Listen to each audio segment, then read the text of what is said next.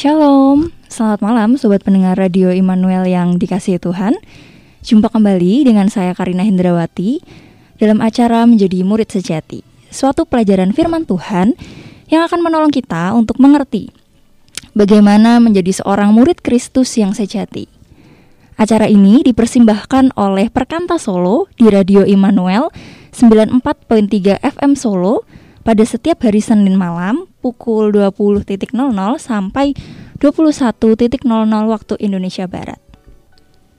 Pada malam hari ini, Senin 17 Oktober 2022, telah hadir bersama saya narasumber kita Mas Sabda Wahyudi dan Mbak Ani Prasetyaningsih yang akan menolong kita untuk bersama belajar prinsip kebenaran firman Tuhan dengan tema keluarga yang melayani. Pendengar, siaran menjadi murid sejati bulan ini cukup spesial ya, karena kita akan dilayani oleh para narasumber yang merupakan pasangan suami istri. Nah, tentu itu karena apa yang kita pelajari di bulan Oktober ini memiliki tema besar yaitu pergumulan keluarga Kristen. Baik, sebelum kita masuk ke dalam sesi diskusi, Ya, saya mau menyapa dulu nih narasumber kita. Selamat malam, Mas Dudi, Mbak Ani. Selamat malam, Karin. Selamat malam juga, Bapak, Ibu, dan saudara pendengar di mana pun berada. Selamat malam, Karin. Selamat malam para pendengar radio Immanuel di mana pun juga anda berada. Ya, bagaimana kabarnya malam ini, Mas Dodi, Mbak Ani? Ya, Puji sehat. Tuhan, sehat ya. Oh, iya. Cuacanya memang mendung-mendung ya, kadang sering yeah. hujan juga. Baik. Nah, Mas Dodi dan Mbak Ani kan mungkin ada pendengar yang baru pertama nih mendengarkan siaran malam hari ini. Jadi, saya persilahkan untuk Mas Dodi dan Mbak Ani memperkenalkan diri kepada pendengar-pendengar yang ada di rumah. Oke, baik. Terima kasih.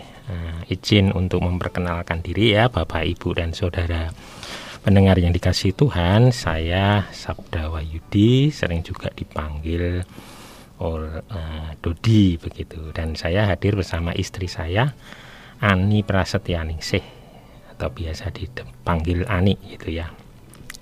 Kami saya sendiri bekerja di sebagai staf pelayanan di Perkantas dan istri saya sebagai guru. Kami punya dua anak ya Ervina Sasadara dan Elena Kristofani dua-duanya cewek sekarang sudah kuliah semua jadi kami sudah cukup berumur ini sudah oh, iya. tua ya nah, kami berdomisili di Solo ya kira-kira itu uh, Bapak Ibu dan saudara pendengar kalau nanti mau kontak secara pribadi boleh ya. iya. nah Mas Dudi dan Mbak Ani malam ini kan temanya menarik sekali ya keluarga yang melayani Nah, kalau menurut Mas Dodi dan Mbak Ani, mengapa ya keluarga Kristen itu harus melayani? Oke, baik, saya akan mencoba menjawab dan membahas hal ini ya tentang kenapa keluarga itu harus melayani. Kalau kita berbicara tentang keluarga Kristen, maka kita mengenal istilah keluarga itu adalah eklesia domestika ya artinya keluarga itu bagaikan gereja kecil ya. Karena di mana di dalam keluarga itu di situlah anggota-anggota keluarga itu beribadah mengenal Allah. Dan keluarga itu merupakan institusi pertama yang diciptakan Tuhan di dunia ini. Dan melalui institusi keluarga itulah pertama-tama orang mengenal Tuhan menyembah Tuhan. Dan kalau kita melihat kisah misalkan kisah Nuh gitu ya. Ketika Nuh membuat bahtera, Nuh mengajak keluarganya supaya mengenal Allah yang mengutus mereka. Mereka pergi mengerjakan panggilan rencana Allah itu mewujudkan apa yang menjadi rencana Tuhan. Juga kalau kita melihat bagaimana keluarga mulai dari Abraham, Ishak, Yakub dan selanjutnya mereka membawa misi visi Allah sebagai keluarga. Mungkin pada awal itu belum ada gereja, belum ada eh, bait Allah mereka berkumpul, belum ada seperti itu. Tetapi keluarga ini memang tempat orang mengenal Allah. Kepala keluarga ayah itu menjadi imam seperti ketika Ayub itu mau menghap, apa, e, membakar korban karena takut kalau anak-anaknya berbuat dosa Ayub mewakili keluarganya sebagai imam bagi keluarganya. Nah karena itu di samping keluarga itu sebagai tempat orang mengenal dan beribadah kepada Allah keluarga itu juga menjadi tempat di mana seharusnya orang-orang di sekeliling keluarga itu mengenal Allah. Gitu ya. Karena itu keluarga itu harus mulai menyatakan diri menyatakan kemuliaan Allah menyatakan kebenaran Allah dan melayani karena semua itu perintah Allah. Kita mengingat bagaimana Tuhan sudah menebus kita menyelamatkan kita baik secara pribadi maupun secara keluarga. Karena itu keluarga itu juga melayani karena didasari ucapan syukur. Ya. Eh, kita ingat kisah orang Gerasa yang dahulunya kerasukan setan tidak berharga. Eh, bahkan ketika dia dibebaskan dari si jahat yang banyak sekali legion lalu lari kepada babi-babi orang-orang itu malah kasihan atau sayang terhadap babi-babi yang hilang itu daripada orang itu. Tetapi Tuhan menganggap uh, si orang Girasa yang mungkin ini bisa dikatakan orang yang tersisih, orang yang tidak berguna di hadapan uh, di depan manusia, dia sesuatu yang mengganggu, tetapi bagi Tuhan itu berharga. Demikian pula kita. Kita dianggap berharga oleh Tuhan. Kita dikasihi, kita seharusnya itu dimurkai, tetapi kita diselamatkan. Jadi sama seperti orang Girasa itu, Tuhan mengatakan kepadanya, Beritahukanlah kepada mereka segala sesuatu yang telah diperbuat Tuhan atasmu dan bagaimana ia telah mengasihani engkau. Nah, keluarga yang melayani itu keluarga yang sedang memberitahukan apa yang Tuhan sudah perbuat atas keluarga ini. Bagaimana Tuhan sudah menyelamatkan keluargaku. Bagaimana Tuhan sudah mengasihani aku.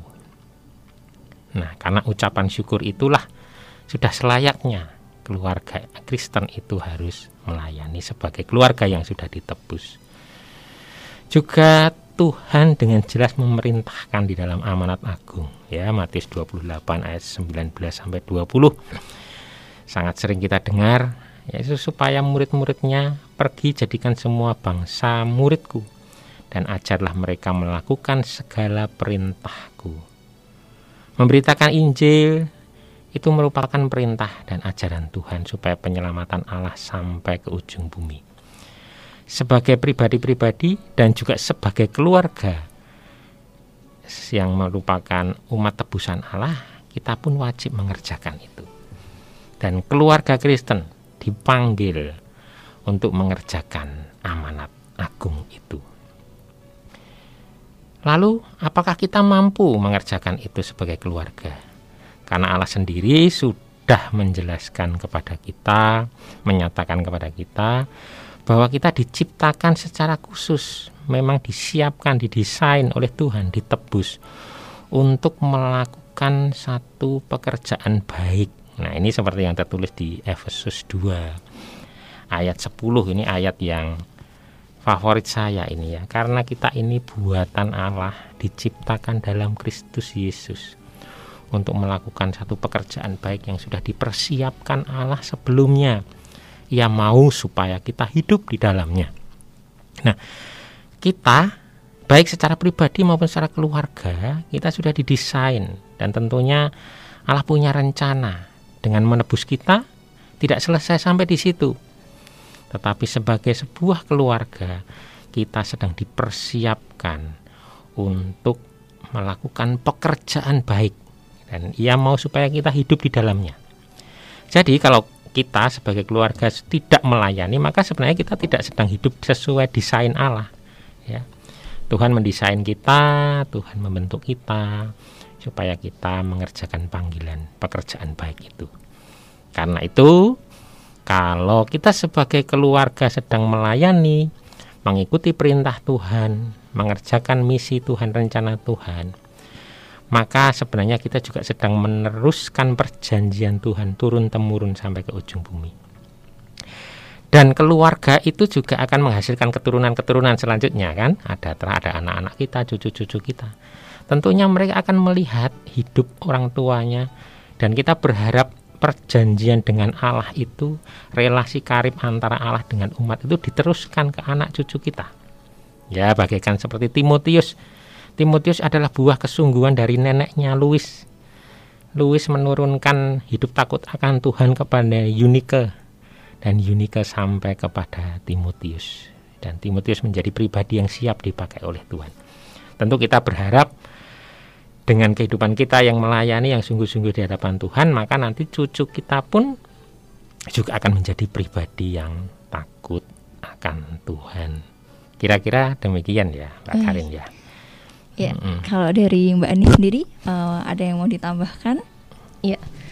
Uh, kalau kita membaca dari Galatia 5 ayat 13 ya yang berbunyi seperti ini Saudara-saudara memang kamu telah dipanggil untuk merdeka tetapi janganlah kamu mempergunakan kemerdekaan itu sebagai kesempatan untuk kehidupan dalam dosa melainkan layanilah seorang akan yang lain oleh kasih jadi tadi seperti yang sudah dicampaikan oleh Mas Dodi ya, salah satu kenapa sebuah keluarga atau menjadi satu kesatuan yang sudah diselamatkan harus melayani karena kita memang sudah dipanggil untuk merdeka. Merdeka dari apa ya? Merdeka dari dosa, mengalami uh, penyelamatan oleh kasih Kristus itu maka kita tidak boleh menyia-nyiakan kemerdekaan itu. Jadi ketika kita dimerdekakan bukan berarti terus kita bisa hidup sesuka hati atau kita bisa hidup sebebas-bebasnya. Semau gue gitu ya. Loh ini kan urusanku gitu. Tidak. Tetapi justru ketika kita sudah dimerdekakan dari dosa, kita mengalami kemerdekaan itu, maka kita harus hidup di dalam kemerdekaan itu untuk menjadikan e, kemerdekaan itu menjadi kesempatan untuk melayani orang lain. Ya. Jadi keselamatan yang kita alami itu tidak kita pakai untuk diri kita sendiri, ya, tapi menjadi satu justru menjadi satu power, menjadi satu motor yang menjadi kesempatan bagi kita untuk melayani orang lain. Begitu Mbak Karin. Ya, baik. Menarik sekali ya penjelasan dari Mas Dodi dan Mbak Ani ini cukup praktis gitu dan uh, benar menjawab uh, para pendengar yang mungkin sedang mencari alasan ya Mbak dan Mas kadang kan ngapain ya melayani kan sudah sibuk di keluarga. Ternyata justru keluarga itulah wadah pertama itu ya untuk beribadah tapi juga melayani. Nah, pertanyaan selanjutnya nih Mas Dudi dan Mbak Ani. Hmm. Terkadang kan orang sudah punya beban untuk melayani tetapi bingung bagaimana cara melayani atau di mana, di mana dan kepada siapa um, melayaninya begitu. Hmm, Oke, okay, baik. Uh, pelayanan apa ya kalau kita memang ingin rindu melayani sebagai keluarga, apa yang bisa kita kerjakan? Tadi kita sudah belajar bahwa kita sudah didesain sebenarnya dari Tuhan untuk melakukan pekerjaan baik. Nah, kita juga diberi oleh Tuhan dengan berbagai macam bakat, talenta, bahkan ada kerinduan yang terdalam dalam hati kita. Kita bisa mulai dari itu. Kalau saya boleh mengutip dari Roma pasal 12 ya. Mari kita coba lihat di dalam Roma 12 ayat yang ke-6 sampai dengan ke-7 sampai ke-8 juga. Roma 12 ayat 6 sampai 8. Demikianlah kita mempunyai karunia yang berlain-lainan menurut kasih karunia yang dianugerahkan kepada kita. Jika karunia itu adalah untuk berbu bernubuat, baiklah kita melakukannya sesuai dengan iman kita. Jika karunia untuk melayani, baiklah kita melayani. Jika karunia untuk mengajar, baiklah kita mengajar. Jika karunia untuk menasihati, baiklah kita menasihati. Siapa yang membagi-bagikan sesuatu hendaklah ia melakukannya dengan hati yang ikhlas. Siapa yang memberi pimpinan hendaklah ia melakukannya dengan rajin. Siapa yang menunjukkan kemurahan hendaklah ia melakukannya dengan sukacita. Kita masing-masing memiliki talenta. Kita memiliki keahlian, panggilan. Nah, kadang-kala Tuhan juga taruh beban. Misalkan kita datang ke gereja.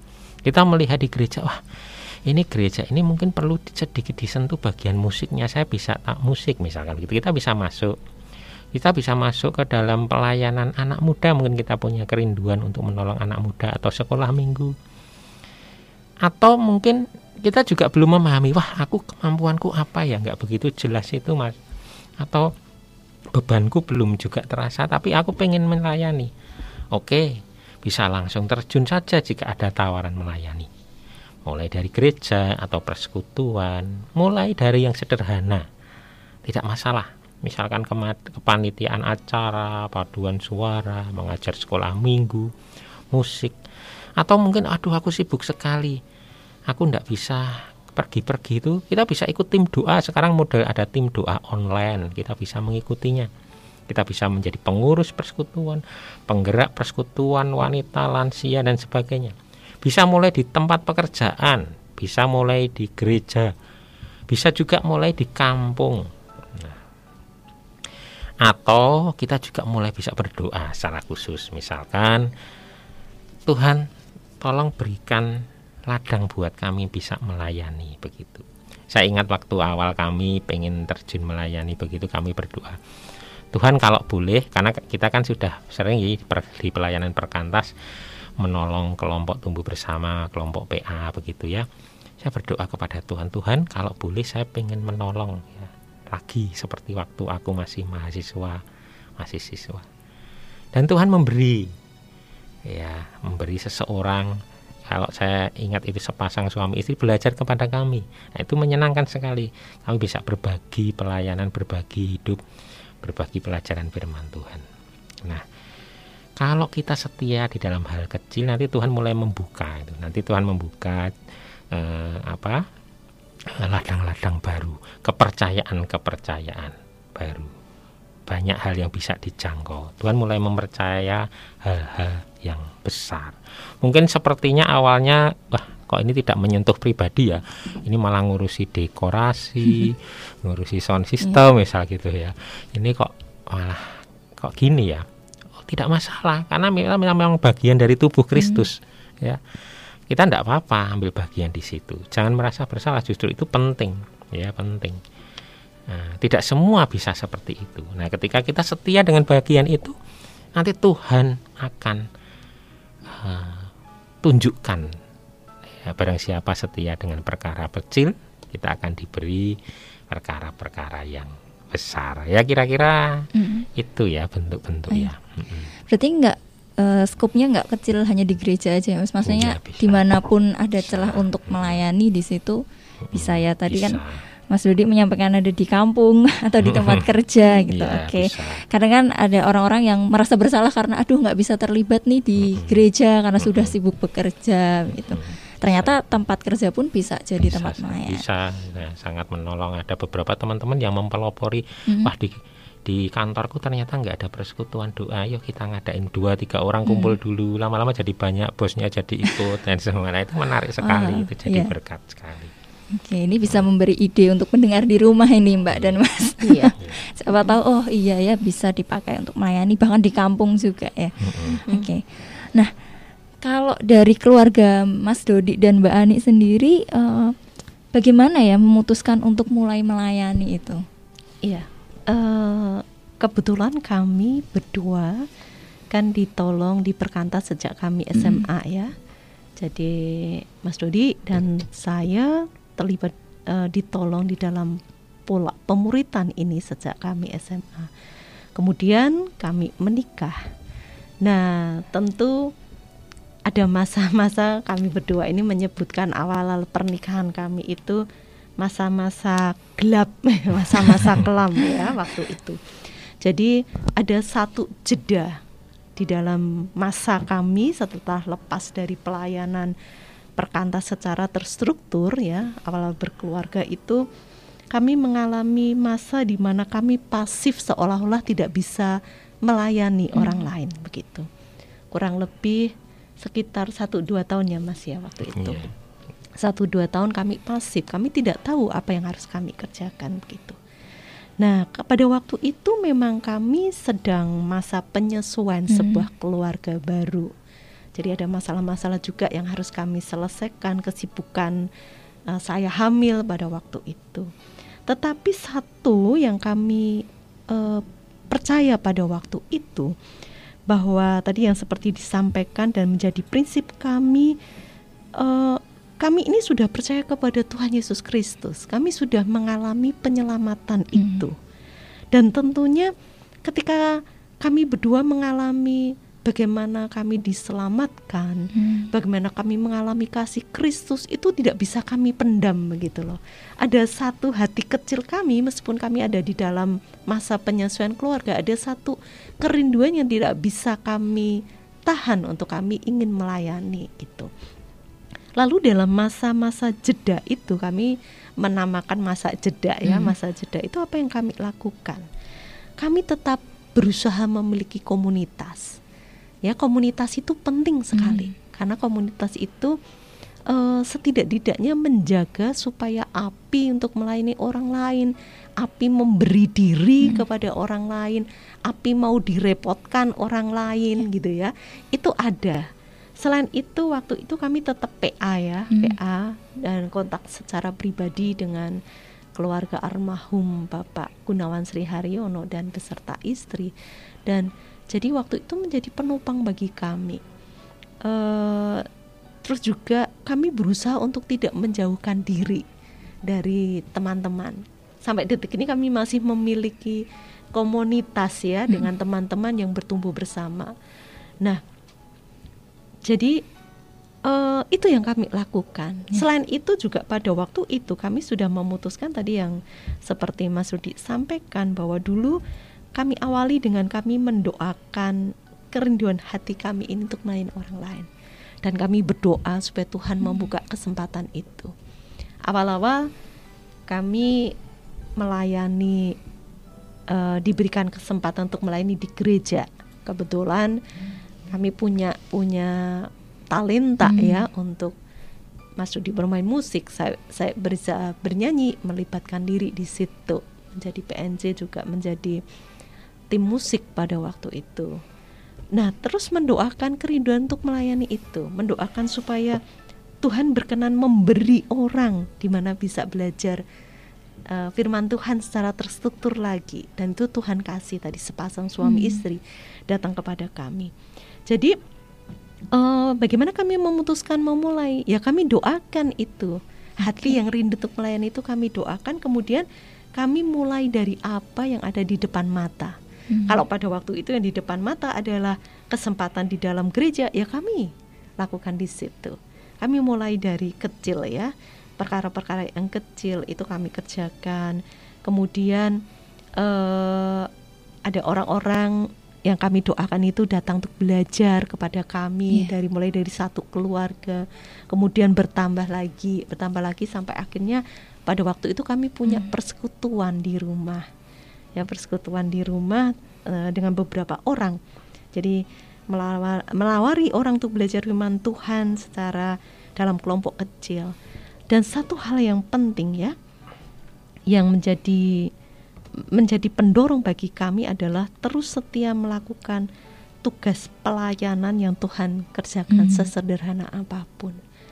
Ya, berusaha untuk saling menguatkan, yeah. saling uh, setia dengan dengan kesempatan-kesempatan yang hmm. Tuhan taruh itu. Keyakinan kami kalau kami setia dalam perkara-perkara yang kecil, maka Tuhan akan bukakan untuk perkara-perkara yang lebih yeah. besar atau lebih kompleks begitu. Uh, juga dari 2 Timotius 4 ayat 2 itu menjadi prinsip bagi kami. Beritakanlah firman Tuhan. Siap sedialah baik atau tidak baik waktunya. Yeah. Jadi kalau Tuhan bukakan, ya hmm. kita harus masuk ya masuklah mm -hmm. gitu. Begitu. Baik. Terima kasih Mbak Ani untuk apa yang disampaikan ya. Ternyata pernah jeda juga ya. Iya. Siapa tahu kan langsung nikah, langsung jalan dan ternyata juga mengalami hal itu dan Betul. bergumul untuk kembali berjuang, melayani iya, ya. berjuang, memaksakan Betul. diri kalau istilah kami Hmm, pada waktu itu. iya. Dan ada dorongan Roh Kudus juga ya, menggelisahkan untuk melayani. Nah, kalau untuk sekarang ini Mbak Ani dan Mas Dodi sedang mengerjakan pelayanan apakah? Oke, baik kalau kami tentu saja dengan semua keterbatasan kami ya, kami bersyukur Tuhan mengizinkan kami boleh terlibat di dalam pelayanan itu semua karena kemurahan Tuhan. Anugerah. Anugerah bukan kemampuan kami. Kalau melihat kemampuan kami sangat terbatas, Tuhan itu mengizinkan kami saat ini untuk mendampingi pelayanan alumni ya. Jadi pelayanan alumni perkanta. Jadi teman-teman yang dulu pernah dilayani dalam siswa, mahasiswa, lalu mulai masuk ke dunia nyata, dunia pekerjaan, bagaimana mereka bisa merintis pelayanan lagi dan selanjutnya. Nah, kami mendampingi teman-teman ini. Hmm. kami menolong mereka di dalam kelompok-kelompok kecil pemahaman Alkitab ya baik offline maupun online. Itu yang kami lakukan. Lalu saya sendiri di gereja juga mengambil bagian eh, menjadi penatua di dalam kemajelisan di gereja kami juga membantu Bapak Ibu Pendeta di dalam tim pembinaan dan pengajaran jadi kalau ada katekisasi itu kami membantu katekisasi baik baptis, sidi maupun pranika. Ya. Kalau istri juga menemani kami di dalam pelayanan alumni juga. Jadi kalau bapak-bapaknya PA dengan saya, nanti ibu-ibunya PA sama istri Oh, saya. gitu ya. Pembagian tugas. Oh, ya. Gitu. Konseling sama-sama. Mm-mm. Hmm, Ya, kadang ya. kami bareng-bareng juga, Hmm. tapi kadang sendiri-sendiri. Kalau di gereja ya kami masih bareng-bareng, Hmm. kadang eh, juga ikut ambil bagian di dalam kepengurusan atau apa ibadah begitu. Lalu kami juga mengajak anak-anak karena anak-anak kan Hmm. sejak dulu waktu kami ngadain retreat, ngadain PA itu kan sering ikut Iya. ya. Terus ke gereja itu juga ikut. Lalu anak-anak mulai masuk ikut latihan nyanyi, latihan apa namanya kur. Hmm. Lalu mereka juga terlibat di komisi pemuda dan remaja. Dan terakhir malah bergabung bersama mamahnya ini bareng-bareng ngerjain apa kepanitiaan dalam sebuah ibadah begitu ya. Kami bersyukur anak-anak kami boleh eh, ikut terlibat bareng-bareng. Jadi kami ke gereja gitu kadang eh, bareng-bareng ya dengan tugas mereka masing-masing gitu. Ya itu kira-kira yang bisa kami kerjakan. Memang sebelumnya sebenarnya sebelum saya full time pelayanan di Perkantas sebenarnya background kami adalah saya sendiri kan wirausaha ya. Hmm. Jadi memang dulu ya agak sulit memang agak membagi waktu dengan pekerjaan. Tetapi Tuhan memampukan kok. Kalau kita mau begitu kita cari waktu. Tuhan sedia eh, kita berikan waktu secara khusus untuk pelayanan. Mm-mm. Tuhan mesti akan menuntun kira-kira begitu yang kami kerjakan Tadi Mas Dodi menyatakan ada bentuk-bentuknya salah satunya mendampingi alumni-alumni ya. Berarti ini kalau ada pendengar yang sudah bekerja mau ditolong bisa ya Mas Dodi ya? boleh ya hubungi Boleh. kita hubungi nanti nomornya saya Iya. sebutkan ya Boleh, pendengar yang boleh. dikasih Tuhan. Siapa tahu sedang bingung ya mau melayani di mana atau caranya mungkin banyak yang rindu sebenarnya tapi untuk praktisnya itu loh. Iya, nah, perlu ditemani nanti Boleh. Mas Dodi dan Mbak Ani akan menemani. Boleh. Nah tadi menarik juga ketika Mas Dodi menjelaskan tentang melibatkan anak-anak ya Mas ya. Iya. Nah itu bagaimana sih Mas eh, juga mendorong anak-anak untuk terlibat dalam pelayanan? mungkin mamahnya yang bisa menjelaskan Oh iya silahkan Mbak Ani. Oke, iya. Eh, seperti kami, tadi yang kami jelaskan ya, kami karena anugerah.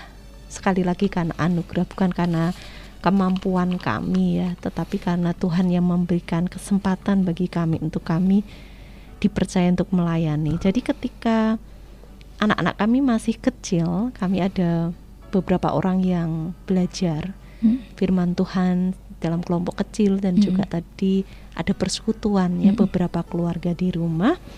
Nah, ketika mereka kecil, kedua anak kami itu kami berusaha untuk bisa mengajak anak-anak itu di dalam aktivitas Hmm. ya aktivitas pelayanan begitu. Misal ketika di rumah ada persekutuan, maka anak-anak kami pada waktu itu membantu ketika menyiapkan konsumsi begitu. Kemudian karena itu keluarga maka ada anak-anak kecil ya keluarga yang bawa anak. Dan tugas anak kami itu menemani Oh, iya. menemani mereka anak-anak mereka bermain supaya ayah dan ibunya bisa eh, belajar di persekutuan Mm. begitu. Kemudian juga eh, kami biasanya waktu mereka kecil kita ajak untuk retret begitu. Lalu eh, kalau seandainya kita ada kunjungan, kami mengajak anak-anak kami ya sampai sekarang ya, sampai sekarang kalau waktu memungkinkan itu kami punya proyek bersama, kami mengunjungi orang-orang yang kami layani atau mengunjungi sesama teman pelayanan Hmm. begitu anak-anak kami kami ajak Mm. supaya eh, karena bagi kami perbuatan itu berbicara lebih Iya. keras daripada perkataan. Mm. Kalau kami bilang, "Ayo melayani, melayani," Mm. tetapi kita sendiri sebagai orang tua tidak memberikan teladan bagaimana kita memberikan hidup bagi orang lain. Iya. Mau direpoti oleh orang lain gitu kan. Melayani itu dalam arti kan eh, memberikan diri sebagai hamba. Iya. kan. Men- memberikan diri untuk memberikan apa yang dalam diri saya untuk orang lain begitu kan supaya orang itu kenal sama Tuhan nah itu kami kami eh, apa namanya kami libatkan secara perlahan-lahan begitu nah dalam satu keluarga keterlibatannya ini harus menyeluruh ya Mm. tidak bisa suami saya melayani sendiri Hmm. atau saya sendiri Hmm. tapi kan lebih baik kalau berdua begitu Betul. Hmm. ya jadi ada kalau berdua itu bisa saling mendukung juga bisa saling mendoakan nah selama ini biasanya eh, justru di dalam keluarga kita sering berdiskusi gitu Hmm.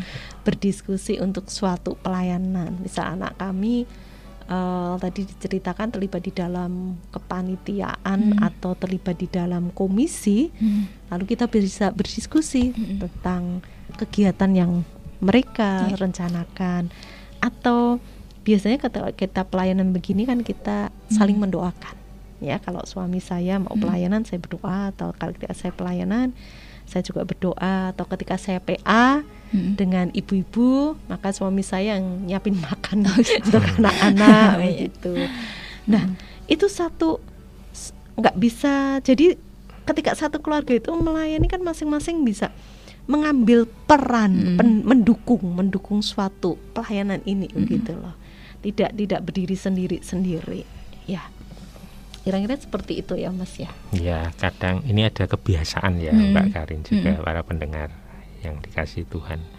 Jadi kalau saya pas dapat tugas misalkan eh, berkhotbah atau menjadi pembicara begitu, saya selalu minta didoakan istri dulu. kalau belum didoakan itu rasanya belum belum apa ya? belum pede. Iya. Jadi eh, disupport terus dia juga Hmm. Evaluator ya, eh, Hmm. ya suka mengevaluasi. Jadi kalau saya sudah selesai, tadi kurang apa, Hmm. materimu apa, apa jelimet apa enggak dan Hmm. sebagainya begitu termasuk anak-anak ya Heeh. Oh. Kadang anak-anak saya tanya, tadi Oh, kamu gitu. paham enggak Oh. yang papi berikan gimana? Kamu Hmm. ngerti enggak ngerti? Terus kadang ya juga ngerti. Tadi papa ada bagian yang enggak jelas itu Hmm. tadi ya misal gitu. Jadi evaluasi buat Hmm. saya. Ya tenang, memang tidak selalu mulus ya. Hmm. Kadang anak-anak juga punya acara sendiri. Kadang ya susah juga Iya. namanya anak-anak begitu. Tapi kami berusaha supaya kami Mm-mm. mm, bisa mulai melibatkan anak-anak di dalam gerak langkah pelayanan kami. Begitu Oke. Mbak Kat. Tadi ada perkataan yang menarik dari Mbak Ani bahwa perbuatan kita lebih bicara lebih keras daripada perkataan ya Mbak ya. Jadi anak-anak mungkin sejak dini diajak dulu ya Mbak melihat untuk orang tuanya melayani, baru nanti diberi tanggung jawab kecil-kecil tadi seperti yang sudah Iya. jelas Mbak Ani. Baik eh, Mas Dodi dan Mbak Ani, tentu untuk bisa sampai kepada pelayanan yang sekarang ini sedang dikerjakan kan ada banyak hal ya yang mesti dipersiapkan. Nah, kalau boleh nih bisa membagikan apa saja hal yang dipersiapkan untuk memulai melayani. Oke, baik. Tentunya kalau kita memulai ya, memulai mengerjakan pelayanan, kita siap. Oke, saya akan terlibat pelayanan. Kami sebagai keluarga mau terlibat pelayanan berarti pertama yang diperlukan adalah kesediaan untuk memikirkannya. Ya, komitmen untuk memikirkan dan melaksanakannya. Mulai kita rencanakan ya jadi oke saya mau komitmen kalau sudah ditawari misalkan sebuah kepengurusan dan sepertinya cocok atau sebuah kegiatan kita bersedia ya kita berkomitmen. Oke saya akan melaksanakan saya akan memikirkannya dengan sungguh-sungguh pelayanan itu. Nah yang cukup menolong biasanya dulu yang kami lakukan ya waktu kami masih sibuk dengan pekerjaan hmm. kami masing-masing waktu khusus. Ya kami dulu saya ingat saya menyediakan hari Sabtu itu saya pakai kami pakai untuk mikir pelayanan. Nah di situ kalau mau latihan-latihan ya Sabtu itu.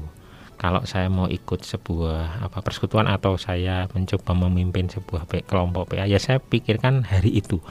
Hari Sabtu itu hari untuk melayani. Jadi sehari dalam seminggu boleh dipilih satu hari itu dipakai. Mungkin ya tidak seharian penuh ya, mungkin sepulang dari pekerjaan atau apa. Coba itu disiapkan eh, waktu khusus itu, itu sebagai eh, kelanjutan dari komitmen tadi. Nah, kalau sudah ditentukan, dijadwalkan, maka maka kita akan enak. Hmm. Nanti begitu sudah misalkan mulai jam 12 siang sampai malam hari Sabtu itu saya ingin pelayanan. Nah, gitu nanti bisa setiap kegiatan-kegiatan dijadwalkan Sabtu itu atau waktu itu kita mikir apa ya mungkin kalau pengen memimpin PA menolong orang ya hari Sabtu itu kita mikir Tuhan uh, siapa yang yang harus saya kunjungi yang harus saya doakan hmm. yang harus saya bagikan firman Tuhan misalkan begitu nah lalu selain uh, komitmen ya harus siap daya dan dana hmm. istilahnya begitu ya ya salah satunya tenaga itu jelas oh, aduh capek itu mas mulai ya hmm. bener ya hmm. namanya nambahi kegiatan mesti ada capek ya. bahkan capek itu tidak hanya dalam kegiatan mental fisik misalkan mau persiapan hmm. kayak gini itu kadang kalau belum biasa dulu saya capek sekali begitu ya hmm. mau mempersiapkan khotbah eh, persiapan mental lalu kadang mensisikan keuangan juga ya karena untuk mensupport pelayan kadang pengen membantu orang yang berkekurangan atau kita membantu sebuah pelayanan atau kita harus bepergian ya, ke tempat tertentu butuh bensin. Kadang kita ketemu orang sambil eh, mentraktir mereka misalkan begitu supaya kita ajak omong-omong hmm. rohani begitu tentu memang membutuhkan daya dan dana. Tapi Tuhan akan memampukan mulai dari apa yang kita punya. Yeah. setelah itu belajar untuk memperlengkapi diri. Nah ini yang penting. Hmm Nah, kalau mau jadi paduan suara ya berarti ya mau berlatih ya. ya setia dengan koordinatornya. Tadi di awal dikatakan eh, sama Mbak Ani tadi bilang bahwa kami menjaga diri dalam satu kelompok bertumbuh bersama ya hmm. kelompok PA yang menjagai relasi juga hati api pelayanan. Nah itu juga kalau Bapak Ibu dan Saudara teman-teman rindu melayani usahakan juga ada di dalam kelompok itu ya kelompok itu akan mensupport menopang bahkan dalam kita tidak melayani pun hmm. uh, kelompok itu penting ya. kalau kita ada persoalan justru jangan lari dari kelompok hmm. itu tetapi bagikanlah di dalam kelompok itu supaya kelompok itu saling mensupport kelompok ini bukan kelompok orang-orang suci hmm. bukan orang-orang yang bebas dari kesalahan tidak hmm. justru kelompok PA kelompok KTB kelompok uh, apa jaringan teman-teman yang takut akan Tuhan ini kelompok yang sama-sama berada dalam semua kelemahan-kelemahan hmm. dan dosa. Tetapi kami saling menopang. Itu. Lalu baca buku. Ya, ini mulai ya, hmm. ya tambah kalau kita mulai pengen memimpin PA, pengen mengajar sekolah minggu, pengen mengajar eh, remaja, pemuda, ya mulai baca buku yang banyak tambah-tambah. Hmm. Di YouTube banyak sekali materi-materi hmm. kita bisa belajar dari seminar-seminar lalu belajar dari orang lain, tidak segan untuk konsultasi, bertanya, belajar kepada orang lain. Tuhan akan uh, memampukan kita. Juga, nah ini mungkin ya sampai level tertentu bisa hmm. juga Tuhan meminta kita studi lanjut. Oh. Ya seperti yang saya alami ya. Jadi waktu saya mulai tertarik pengen bisa berbagi kebenaran firman Tuhan, saya merasa aduh bekal saya kok kurang ya. Ah seandainya kalau Tuhan mengizinkan saya studi lanjut dan ternyata Tuhan benar ya. Hmm. Tuhan menolong memberikan beasiswa sehingga saya bisa studi lanjut. Itu anugerah yang luar biasa.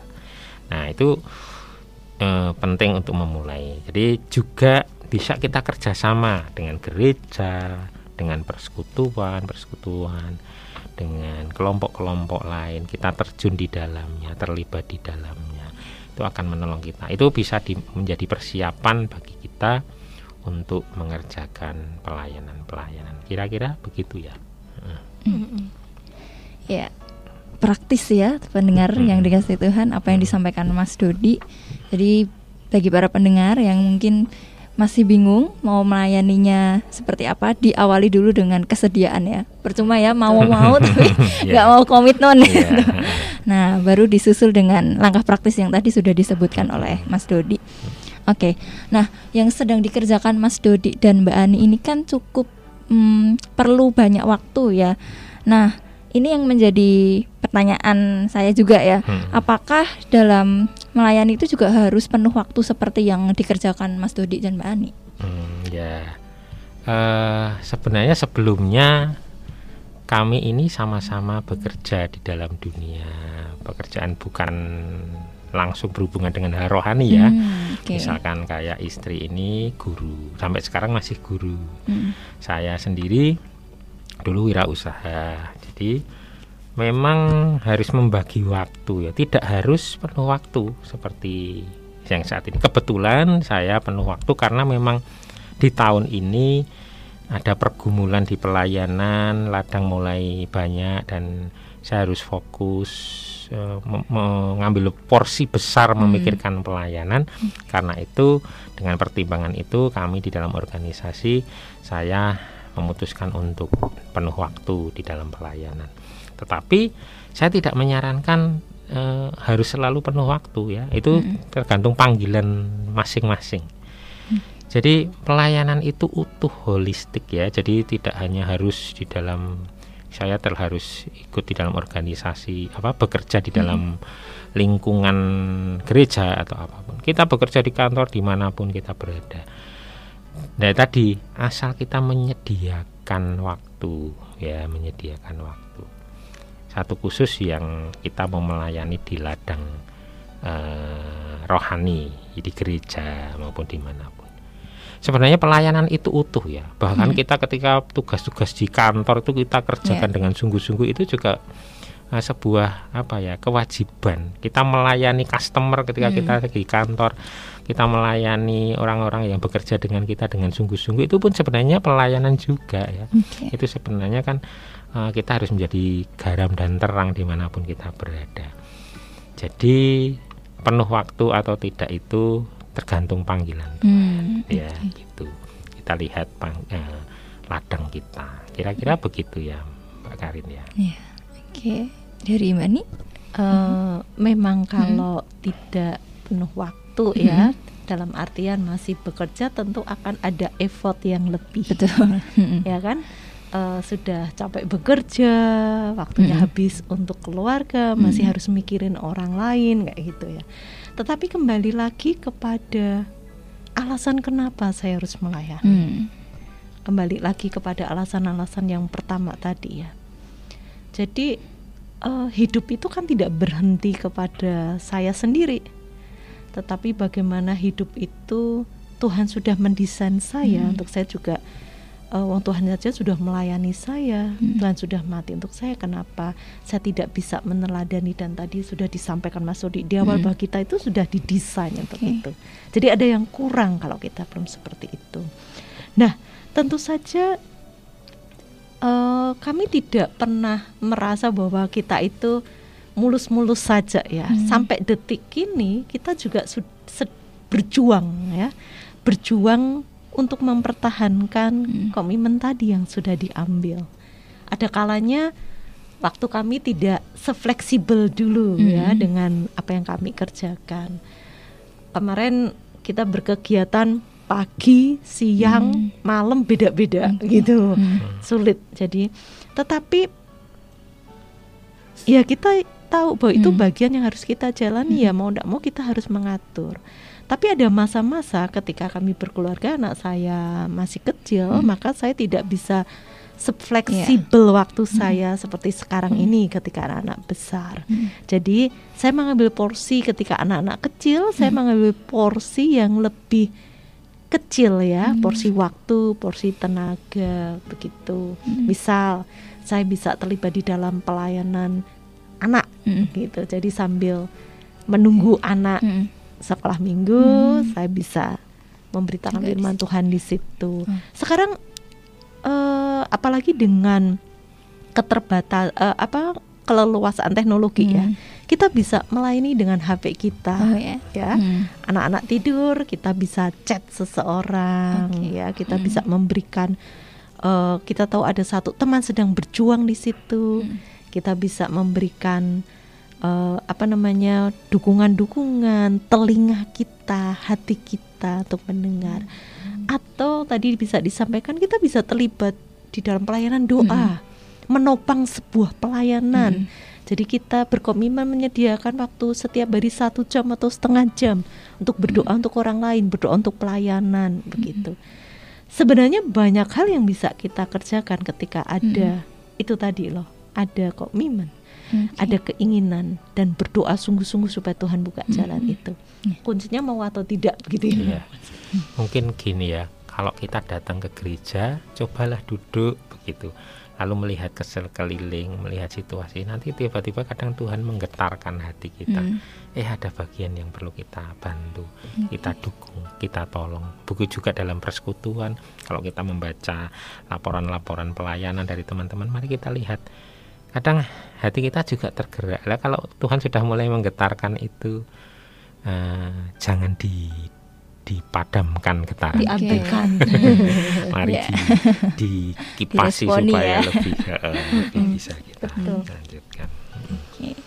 Jadi hal kecil pun mulai dari tergerak untuk mendoakan orang aja sudah melayani ya, Iya, Mbak dan betul. Mas. Oke, ya. Kita ada persekutuan doa Mhm. online juga, jadi teman-teman alumni itu Mhm. setiap hari Jumat malam di tengah kesibukan mereka, mereka juga ketemu bisa punya pelayanan meskipun mungkin di rumah mungkin sudah kesel bekerja Mhm. seharian capek sambil tiduran tapi berdoa di hadapan Tuhan Oke. bersama-sama online itu Mhm. luar biasa. Nah, ini pendengar yang juga mau terlibat dalam doa persekutuan doanya online tadi ya, Mas Iya, ya. mhm. Nah, ketika melayani di mana pun dan entah itu dalam kondisi sudah berkeluarga atau belum kan ada tantangan-tantangan yang berbeda-beda ya. Nah, kalau di keluarga sendiri tantangannya seperti apa ya untuk dalam melayani? Apa ya?